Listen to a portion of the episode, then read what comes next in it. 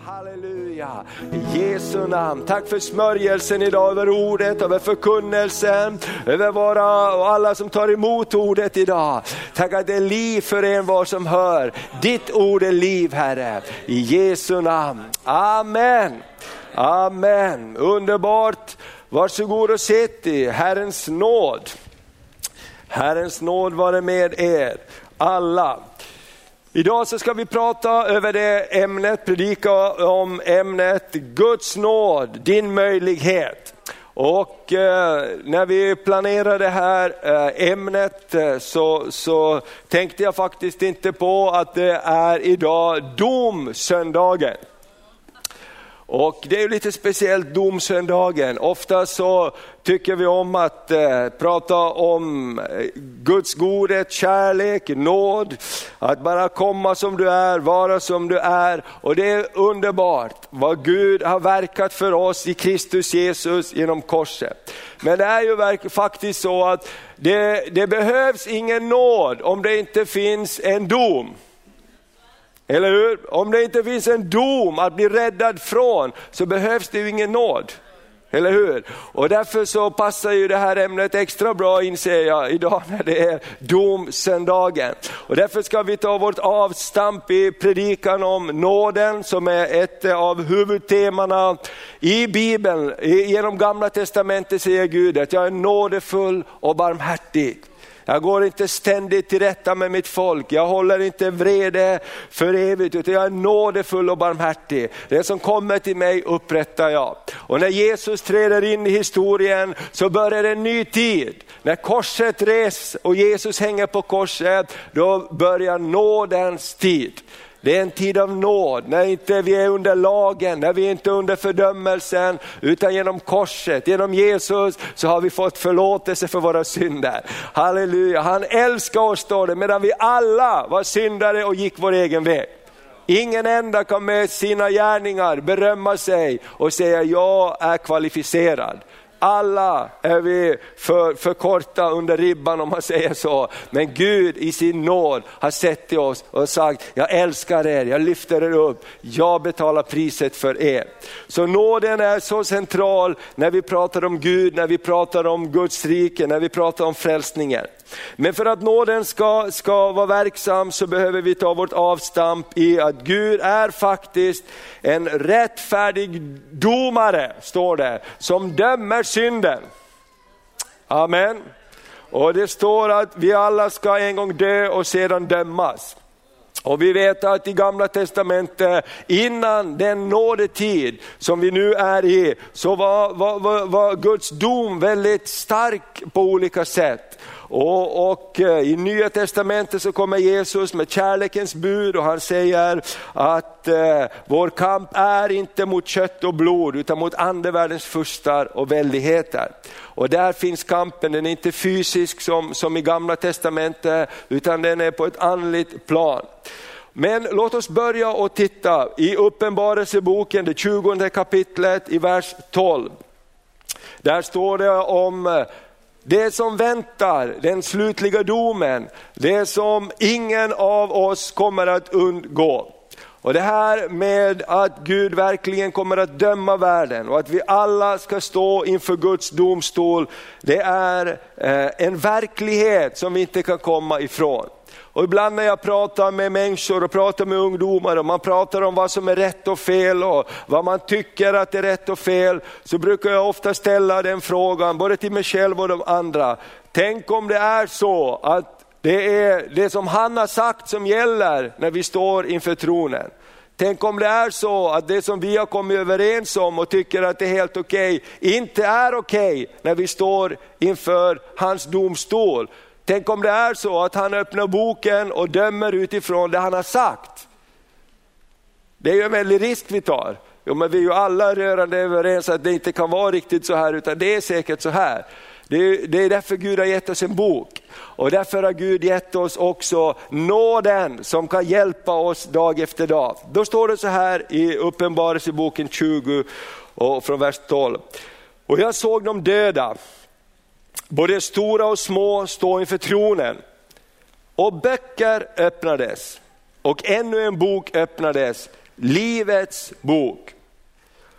Och de döda blev dömda efter sina gärningar, efter vad som stod skrivet i böckerna. Och havet gav igen de döda som fanns i det. Och döden och helvetet gav igen de döda som fanns i dem. Och var och en dömdes efter sina gärningar. Döden och helvetet kastades i eldsjön. Det vill säga, eh, detta, det vill säga eldsjön är den andra döden. Om någon inte fanns skriven i livets bok kastades han i eldsjön. Nåden öppnade livets bok för dig och mig. Hur får vi våra namn skrivna i livets bok? Det är det som vi ska prata om idag. Och Det behövs alltså ingen nåd om det inte finns en verklig dom som kan fälla oss. Om det är så att Gud inte dömer oss, om Gud inte går till rätta med våra synder för att han vet att vi är svaga, utan bara av sin kärlek så kommer alla att komma till himlen. Då behövs inte den här domen.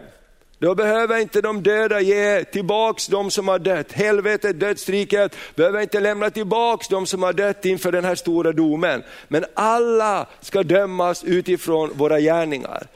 Och men det finns någonting, det fanns en bok som kallades Livets bok. Den som har sitt namn i Livets bok. Och det namnet är skrivet med Jesu blod. Det namnet, ditt namn, när du har tagit emot Jesus, när du har sagt ja till det han har gjort på korset, så har du fått ditt namn skrivet i den boken. Och det är det som är nåd, att du och jag kan få ta emot frälsningen. Vi läser vidare i Romarbrevet 6 och 23 så står det att syndens lön är döden.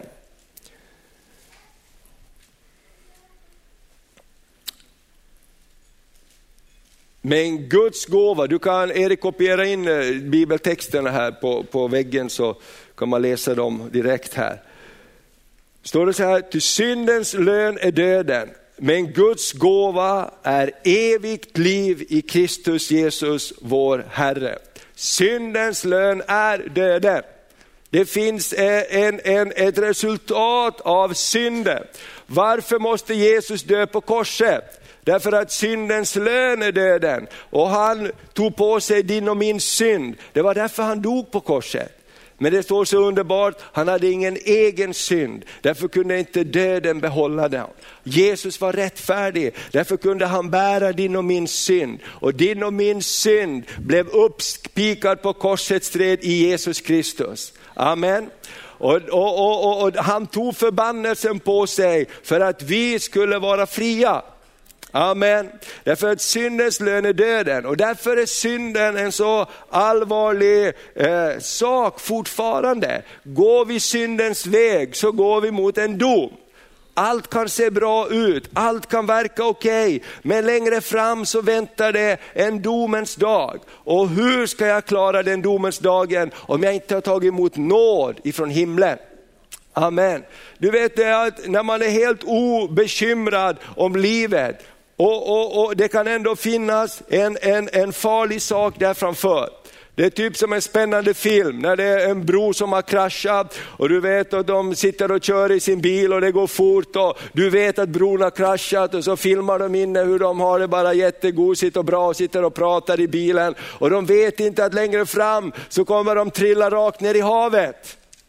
Och det blir så spännande, eller hur? Hoppas de märker det, hoppas att de ser det här och de bara kör på. Och tyvärr har vi de exemplen. Vi har det i Sverige, bron nere i södra Sverige som båten, fartyget körde i, i dimman och, med, och, och bilarna bara fortsatte att köra på bron och bara pff, trilla rakt ner i havet. Många dog. Och jag tänker så här, varför kan det gå till på det sättet? Jo, därför man är inte medveten om det som kommer. Men nu är Gud så god så han har gett oss ett, ett budskap om vad som kommer där längre fram. Han har sagt att bron är trasig, det, kommer att, det finns ett stup där som väntar. Du, du måste göra någonting. Jag har gett en lösning på problemet. Det är min nåd jag förlåter dig. Allt vad du har gjort, vill du ta emot min kärlek? Vill du leva i den kärleken? Och då finns det en lösning på problemet. Och det är precis det här som är nådens budskap. I nästa bibelvers som vi ska läsa, Johannes 3 och 16 till 21. Och här är det också ihopkopplat med domen. Om du tänker på att eh, frälsningen är ihopkopplad till en räddning ifrån domen. Johannes 3 och 16 kan vi alla, eh, de flesta av oss, men vi ska läsa lite till, ända till vers 21. Ty så älskade Gud världen att han utgav sin enfödde son för att den som tror på honom inte ska gå förlorad utan ha evigt liv. Inte sände Gud sin son till världen för att döma världen, utan för att världen skulle bli frälst genom honom. Gud har en frälsningsplan inför domens dag. Han vill inte att du ska bli dömd. Han vill inte att någon ska bli dömd på den här dagen som vi läste om i Uppenbarelseboken. Han vill att vi ska bli frälsta. Han vill att alla ska bli räddade. Och det står vidare, den som tror på honom blir inte dömd. Men den som inte tror är redan dömd eftersom han inte tror på Guds enfödde sons namn. Och detta är domen. Ljuset kom till världen och människorna älskade mörkret och inte ljuset. Tänk efter hur det är idag. Tänk efter vad är, eh, vad, vad är brottningskampen idag i, i samhället, i våra liv. Ljuset finns där, sanningen finns där, men det är så lätt att älska mörkret och inte ljuset. Det är så lätt att gå mörkrets väg. Har du märkt det? Det är så lätt, det finns en dragningskraft i mörkret på något sätt. Och precis det står det om här. Eh, eftersom deras gärningar var onda. Ty var och en som gör det onda hatar ljuset och kommer inte till ljuset för att hans gärningar inte skall avslöjas. Men den som lyder sanningen kommer till ljuset för att det ska bli uppenbart att hans gärningar är gjorda i Gud. Amen. Och därför behöver vi predika evangelium om ljuset som lyser i mörkret. Och mörkret har inte fått någon makt där med. Gud älskar dig, Gud håller inte din synd emot dig. Gud håller inte en straffdom emot dig. Han har gjort förberett frälsning för dig. Kom till ljuset, kom till sanningen, kom till räddningen. Det är det som är de goda nyheterna. Amen. Evangelium är de goda nyheterna. Priset är betalt. Dörren är öppen. Han vet att du är helt bedrövlig. Han vet att du och jag är ruttna på olika områden och inte kan komma in med vår egen kraft. Men det står, trots det så valde han att älska oss. Trots det, halleluja, för det är faderns kärlek till barnen. Halleluja, jag ska ta tillbaka vad fienden har stulit ifrån mig. Och vi ska se hur Jesus proklamerar just det också. Vi tar en till bibelvers i Hebreerbrevet 9. Så står det precis eh, om det här också. Med domen men också med frälsningen. Hebreerbrevet kapitel 9, vers 27 till vers 28.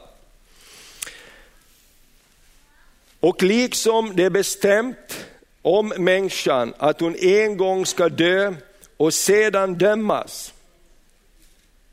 Här kommer det igen, vi kommer aldrig undan den stunden.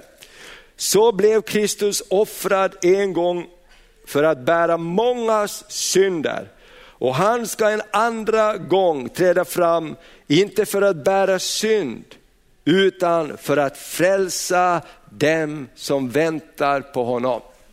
Amen. Väntar du på honom? Halleluja. Väntar du på Jesus? Amen.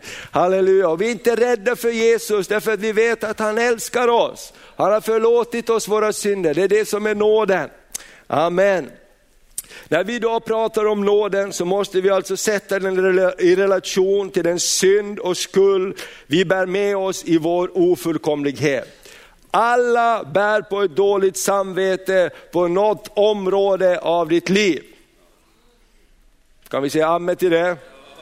Finns det ett område i ditt liv du känner att det finns förbättringsutrymme för? Amen. Det finns alltid någonting och det är det här syndabördan som ligger över oss hela tiden. Och det är därför det blir lite svårt att kunna acceptera nåden.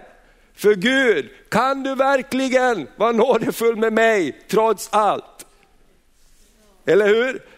Vi kan inte alltid riktigt acceptera Guds godhet och Guds nåd. Vi kan inte bada i hans kärleksflod, för att du vet ju ändå om att jag inte är fullkomlig ännu på det här området. Du vet hur jag blev arg, du vet vilka tankar jag tänkte, du vet vad jag har, vad jag har gjort och vad jag, vad jag bara längtar att komma till ett annat område i mitt liv när det gäller det här. Och du, du, jag vet att det är först då som du egentligen tycker om mig.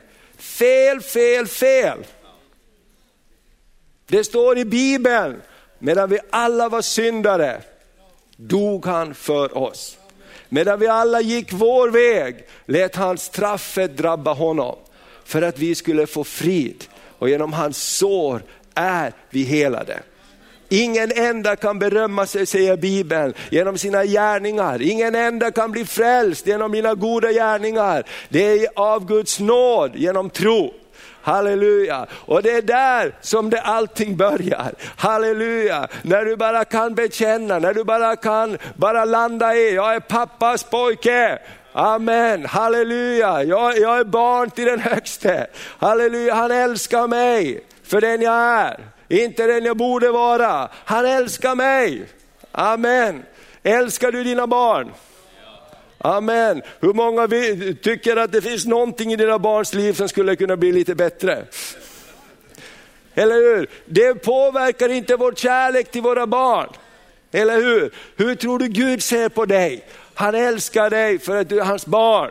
Halleluja, och han vill visa dig rätt väg. Han, det står att Guds godhet leder till bättring.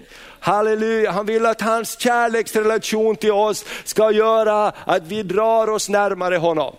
Amen. Inte är rädda för honom, utan hans kärlek drar oss till honom. Halleluja, hans kärlek drar oss till honom. Halleluja, prisat vare Herrens namn. Och det är bara instinktivt i våra liv många gånger när vi har gjort saker. Det första vi tänker kanske är att hur ska jag dölja det här? Och sen kommer den kristna tanken, jag kan inte dölja det här. Jag måste erkänna min synd. Eller hur?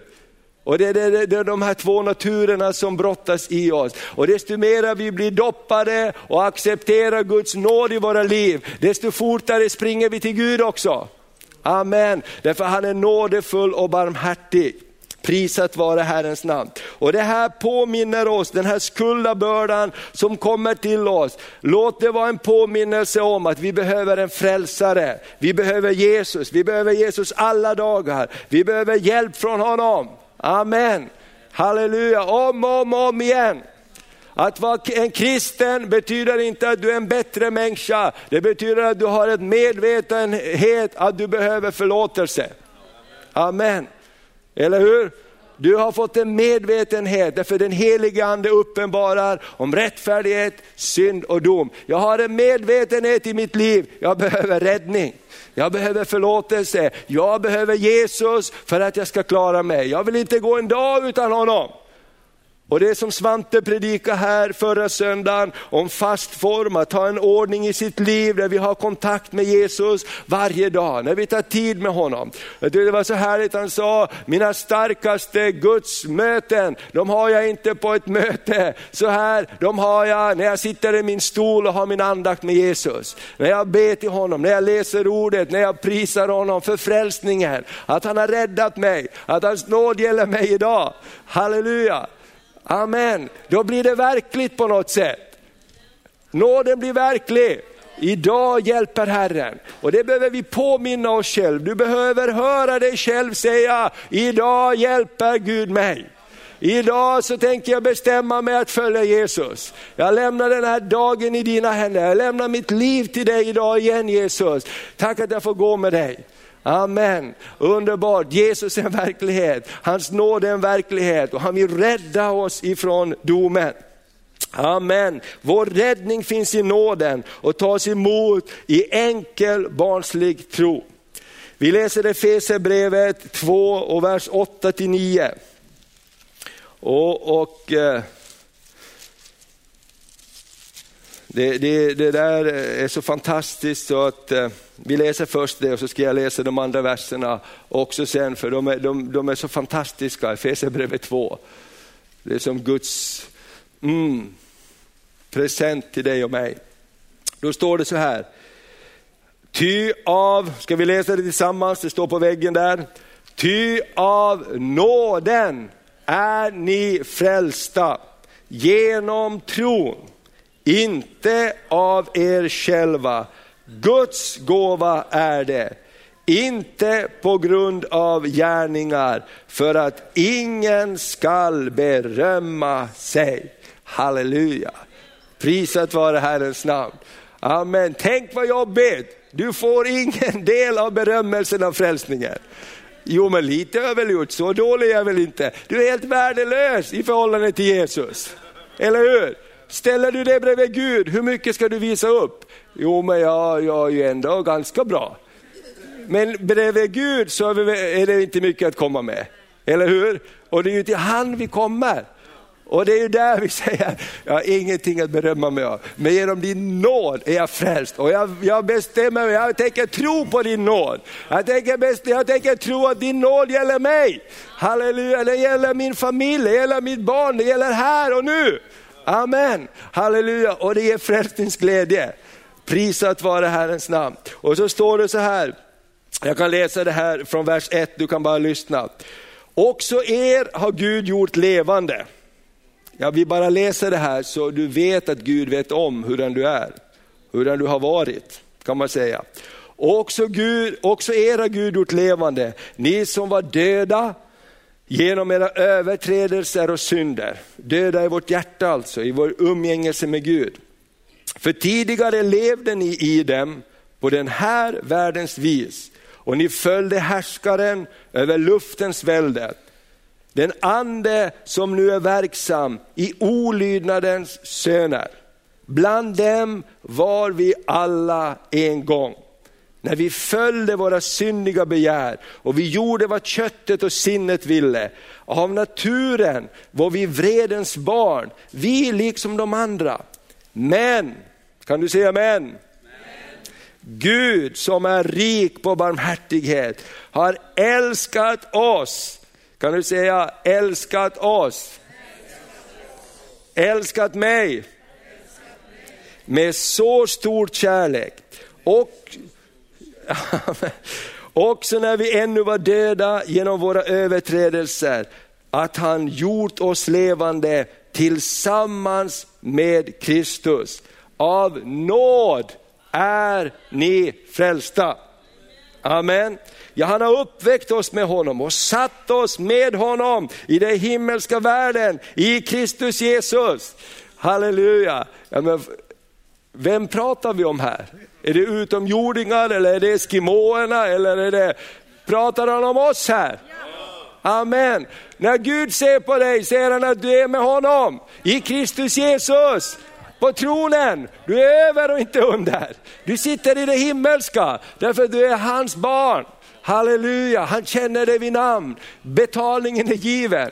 Halleluja, prisat vare Herrens namn. Han har uppväxt med honom och han har satt oss med honom. Det är det frälsningen betyder, i den himmelska världen, i Kristus Jesus. För att i kommande tider visa sin överväldigande rika nåd genom godhet mot oss i Kristus Jesus. För av nåden är ni frälsta genom tron, inte av er själva. Guds gåva är det. Amen. Friheten finns alltså i sanningen. Sanningen finns i Guds ord. Guds ord, säger Jesus, finns hos dem som älskar Jesus och håller fast vid hans bud. Om ni förblir i mig och mina ord förblir i er, så kan ni be om vad som helst. Amen. För vi är ett, säger Jesus. Nåden hjälper den som vill hålla sig till ljuset att se sanningen. För det här är ett val vi har att göra också. Antingen så går vi mot ljuset går vi till sanningen och sanningen gör oss fria. Eller så håller vi oss i mörkret för vi vill inte att ljuset ska avslöja någonting. Eller så låter vi oss fyllas av drivkraften och, och, och det är därför vi behöver predika evangelium och säga till människor, Jesus är inte arg på dig. Han har förlåtit dig. Välkommen hem. Jag blev så glad när Andreas sa, jag såg jag hörde när jag såg på korset, välkommen hem. Det var ju bästa predikan idag, klart. Eller hur? Tänk om vi alla skulle höra det när vi ser på korset. Välkommen hem, halleluja, välkommen hem. Jag har betalat priset, prisat vare Herrens namn. Så vi måste välja att genom nåden se sanningen. Genom nåden att det är Gud som har till, äh, att allt som Gud har är tillgängligt för oss. Och genom tron kan vi ta emot det. Och sedan, genom vår bekännelse talar vi ut det som Gud säger om oss och tillhör oss av nåd. Amen. Du är bra, inte för att du är så jättebra, men för att han är bra. Eller hur? Jag är bra, därför att han är bra. Amen. Och det är ju jättesvårt. Och det där behöver vi bara kliva in i nåden och säga, jag är vad Guds ord säger att jag är. Halleluja, om Gud säger att jag är älskad, då kan jag titta mig i spegeln och säga, god morgon Thomas. Gud älskar dig. Du är bra. Va? Det tar ju emot lite, men ska man vara biblisk så ska man väl göra så, eller hur? Halleluja, amen, välkommen till en ny dag. Jag har väntat att träffa dig här och i spegeln och säga till dig, idag är jag med dig. Frukta inte, amen, eller hur? Låt oss säga vad Gud säger. Och det är det som genom nåden kan vi ta emot det. Och det här visste ju David om. Han säger så här i Saltaren 92 och vers 1 till 2. Kung David han, han gjorde så många salmer och vi har pratat om kung David som en, en lovprisare som gick igenom livet med tuffa omständigheter. Men han valde att säga vad Gud sa. Han valde att prisa hans namn. Och då står det så här i Psaltaren 92, vers 1 och 2. Det är gott att tacka Herren och att lovsjunga ditt namn. Det är bra, det är bra att prisa Gud. Det är alltid bra att prisa Gud. Det är alltid bra att ha, sätta på lovsång och få lite draghjälp. Det är bra, säger Bibeln, att prisa Herrens namn. Du den högste, att om morgonen förkunna din nåd. Vet du vad det betyder? Idag så vill jag tala om vad Guds nåd gör för mig. Idag vill jag tala om att Gud är med mig. Gud vill ge mig favör. Gud vill rädda mig idag. Gud vill hjälpa mig på mitt jobb idag. Om morgonen kommer så förkunnar jag hans nåd. Gud vill välsigna mina händers verk. Gud vill att jag ska vara till välsignelse. Gud vill att jag ska lyckas. Amen. Eller hur? Tror vi det om Gud? Amen.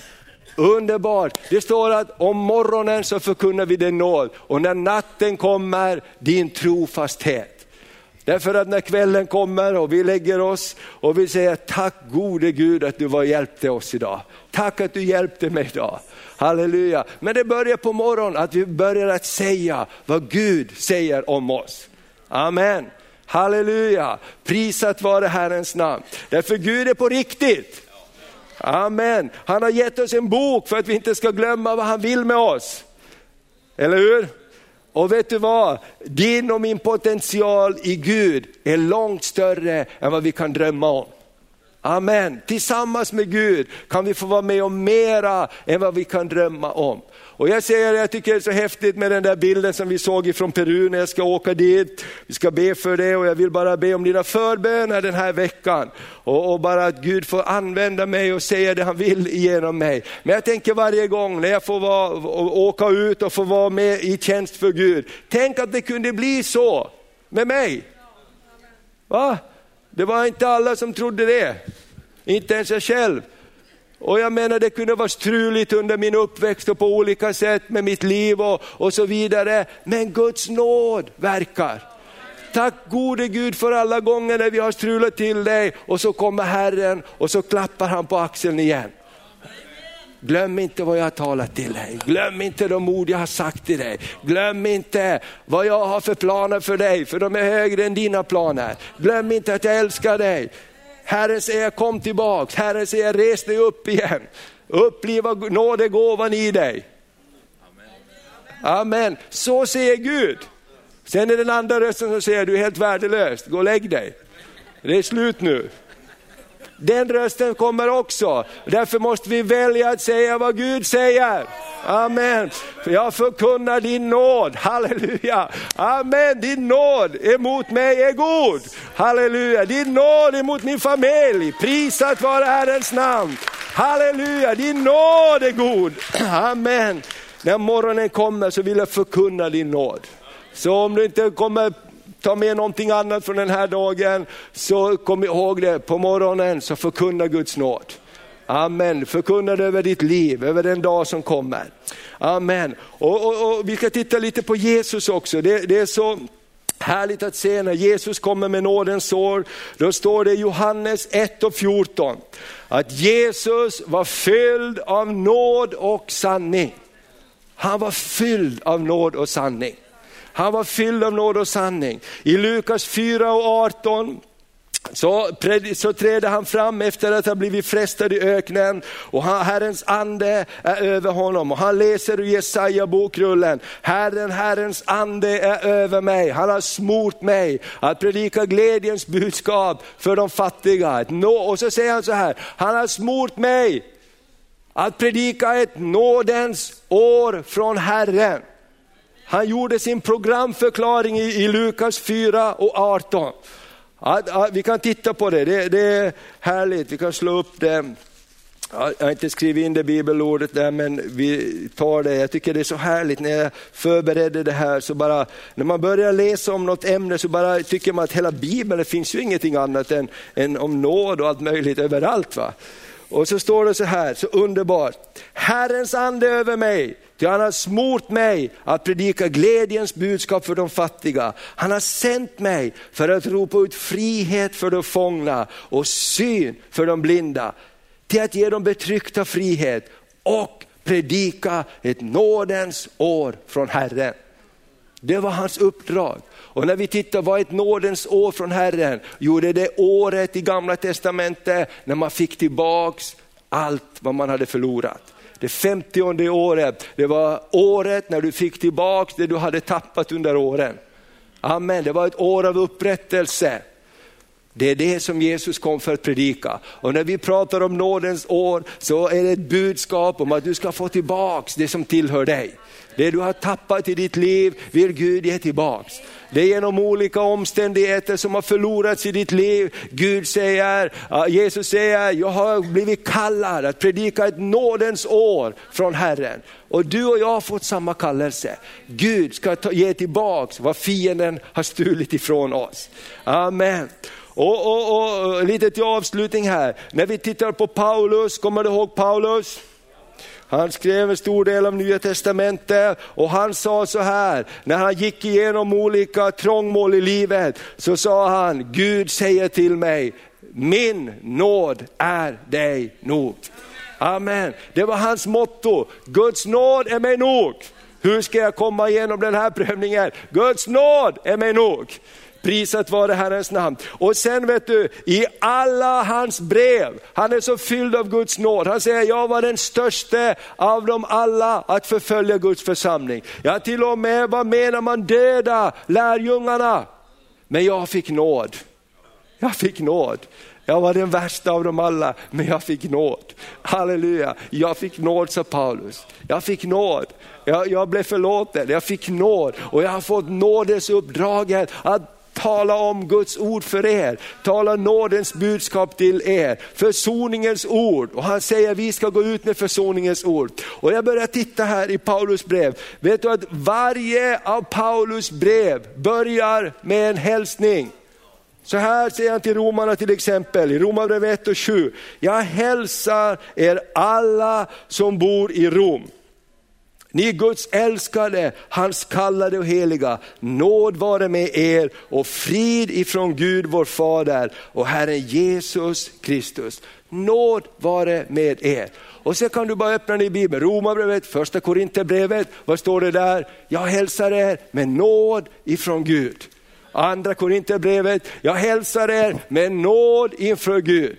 Från Gud. Galaterbrevet, jag hälsar er mina kära med Guds nåd. Amen. Och så går det Fesebrevet, Filipperbrevet, Kolosserbrevet. Alla breven börjar, jag hälsar er mina älskade med Guds nåd. Halleluja. Han hade förstått någonting av Guds nåd, för han hade verkligen inte förtjänat Guds kärlek. Jag tror ingen av oss har varit med och sagt döda han för han är kristen. Eller hur? Vi har inte varit där, han hade varit där och han fick uppleva nåd. Tror du nåden räcker till för dig och mig idag? Halleluja, det gör det min vän. Och de andra breven tar också upp nåden i, i, i sitt budskap och i många av de andra breven som inte Paulus har skrivit så, så avslutar om att må Herren Guds nåd vara, vara med er alla. Amen. Och vet du vad sista ordet i Bibeln är? Nu börjar vi snacka här. Vad är sista raden i Bibeln? Vad står det? Vad är sista raden i Bibeln? Uppenbarelsebokens sista kapitel och sista vers och sista rad. Kom igen, du kan gissa det. Amen, det är precis det. Det, står, det, det, det sista som står i Bibeln, vad är det? Herren Jesu Kristi nåd vare med er alla. Amen. Tror du att det är någonting han vill säga då? Eller hur? Om det sista man säger, kom ihåg en grej, Herren Jesu Kristi nåd. För jag tror Johannes han hade fått allt det här, det snurrar säkert i huvudet. Det gör det för oss också när vi läser uppenbarelseboken ibland. Hur ska det här gå till? Jo, Herrens nåd är med. Herrens nåd kommer att verka så att allt det som han har sagt kommer att fullbordas. Amen. Och, och, och, och eh, vi ska sjunga en sång om Guds nåd här, men innan det ska vi bara läsa Hebreerbrevet 4. Därför att Jesus har öppnat en väg till nåda tronen. Halleluja för alla Oh, halleluja. Vi, det är bara att erkänna, vi klarar oss inte utan Guds nåd. Men med Guds nåd så kan vi göra mer än vad vi kan tro. Amen. Genom Guds nåd så kan du få vara med om mer än vad du kan tro att du klarar i dig själv. Därför Guds nåd verkar med dig. Och då står det så här i Hebreerbrevet 4, vers 15 till 16. Då vi nu har en stor överste präst, Jesus, Guds son, som har stigit upp genom himlarna. Låt oss hålla fast vid vår bekännelse. För vi har inte en överste präst som ej kan ha medlidande med våra svagheter, utan en som blev frestad i allt liksom vi, men utan synd. Låt oss därför frimodigt gå fram till nådens tron. Det är vi som måste göra det. Han har öppnat det, men vi måste gå fram till nådens tron. För att få barmhärtighet och finna nåd till hjälp i rätt tid. Vad får vi vid nådens tron? Barmhärtighet. Tycker du synd om dig själv ibland? Det gör vi alla, eller hur? Vad finner vi vid nådens tron? Barmhärtighet. Och vi får nåd till hjälp i rätt tid. Amen. Halleluja, när vi går dit så kommer det någonting. Det finns någonting på den platsen och vi behöver gå dit. Halleluja.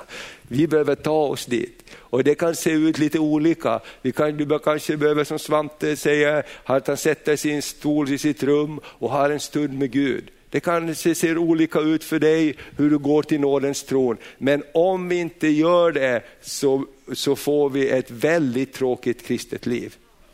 Amen. Och det värsta som finns, tråkigaste som finns, det är ju att vara en kristen utan att ha kontakt med Jesus. Utan att nåden är verklig. Fy vad jobbigt det blir. Då blir det ju mycket roligare, alla andra får göra roliga grejer, vi får bara göra tråkiga grejer. Då har vi inte kommit till nådens tron. Då har det inte öppnats det fönster av nåd och möjlighet som finns tillgänglig för oss var och en. Amen. Och vi ska gå inför nådens tron och prisa Herren. Och när vi förberedde, förberedde det här så bara kom den här härliga gamla sången, det enda som bär när allting annat vacklar. Det är Guds nåd. Ska vi sjunga den sången och så ska vi be med och för varandra också till avslutningen av vår gudstjänst här. Halleluja, tack Jesus. Är du glad för nåden? Halleluja. Halleluja, låt oss bara komma ihåg det. Låt oss gå till nådens tron. Amen. Guds nåd finns, men vi måste gå till nådens tron. Amen. Vi måste ta oss dit och ibland måste vi ta oss själv i nacken. Ibland måste vi säga, kom igen Thomas, sitt inte här och tyck synd om dig själv, måla inte upp dina bilder, utan gå till tronen och titta vad han målar för bilder. Halleluja, jag säger det, han målar inga dåliga bilder. Han målar en bild av en framtid och ett hopp. Halleluja, han säger jag är med dig, frukta inte, jag ska hjälpa dig, jag tröstar dig, jag upprättar, håller dig med min rättfärdighets högra hand. Du kommer att komma igenom, för jag är med dig. Jag är i båten med dig, du kommer inte att sjunka. Det hör man vid tronen. Amen. Amen. Det hör man vid tronen. Halleluja, jag ska bota dig. Halleluja, jag ska hjälpa dig. Amen. Halleluja. Så låt oss sjunga den här sången, texten kommer. Du kan sitta ner om du vill och sjunga den bara. Och så kan vi ta en stund av, av, av inför Herren.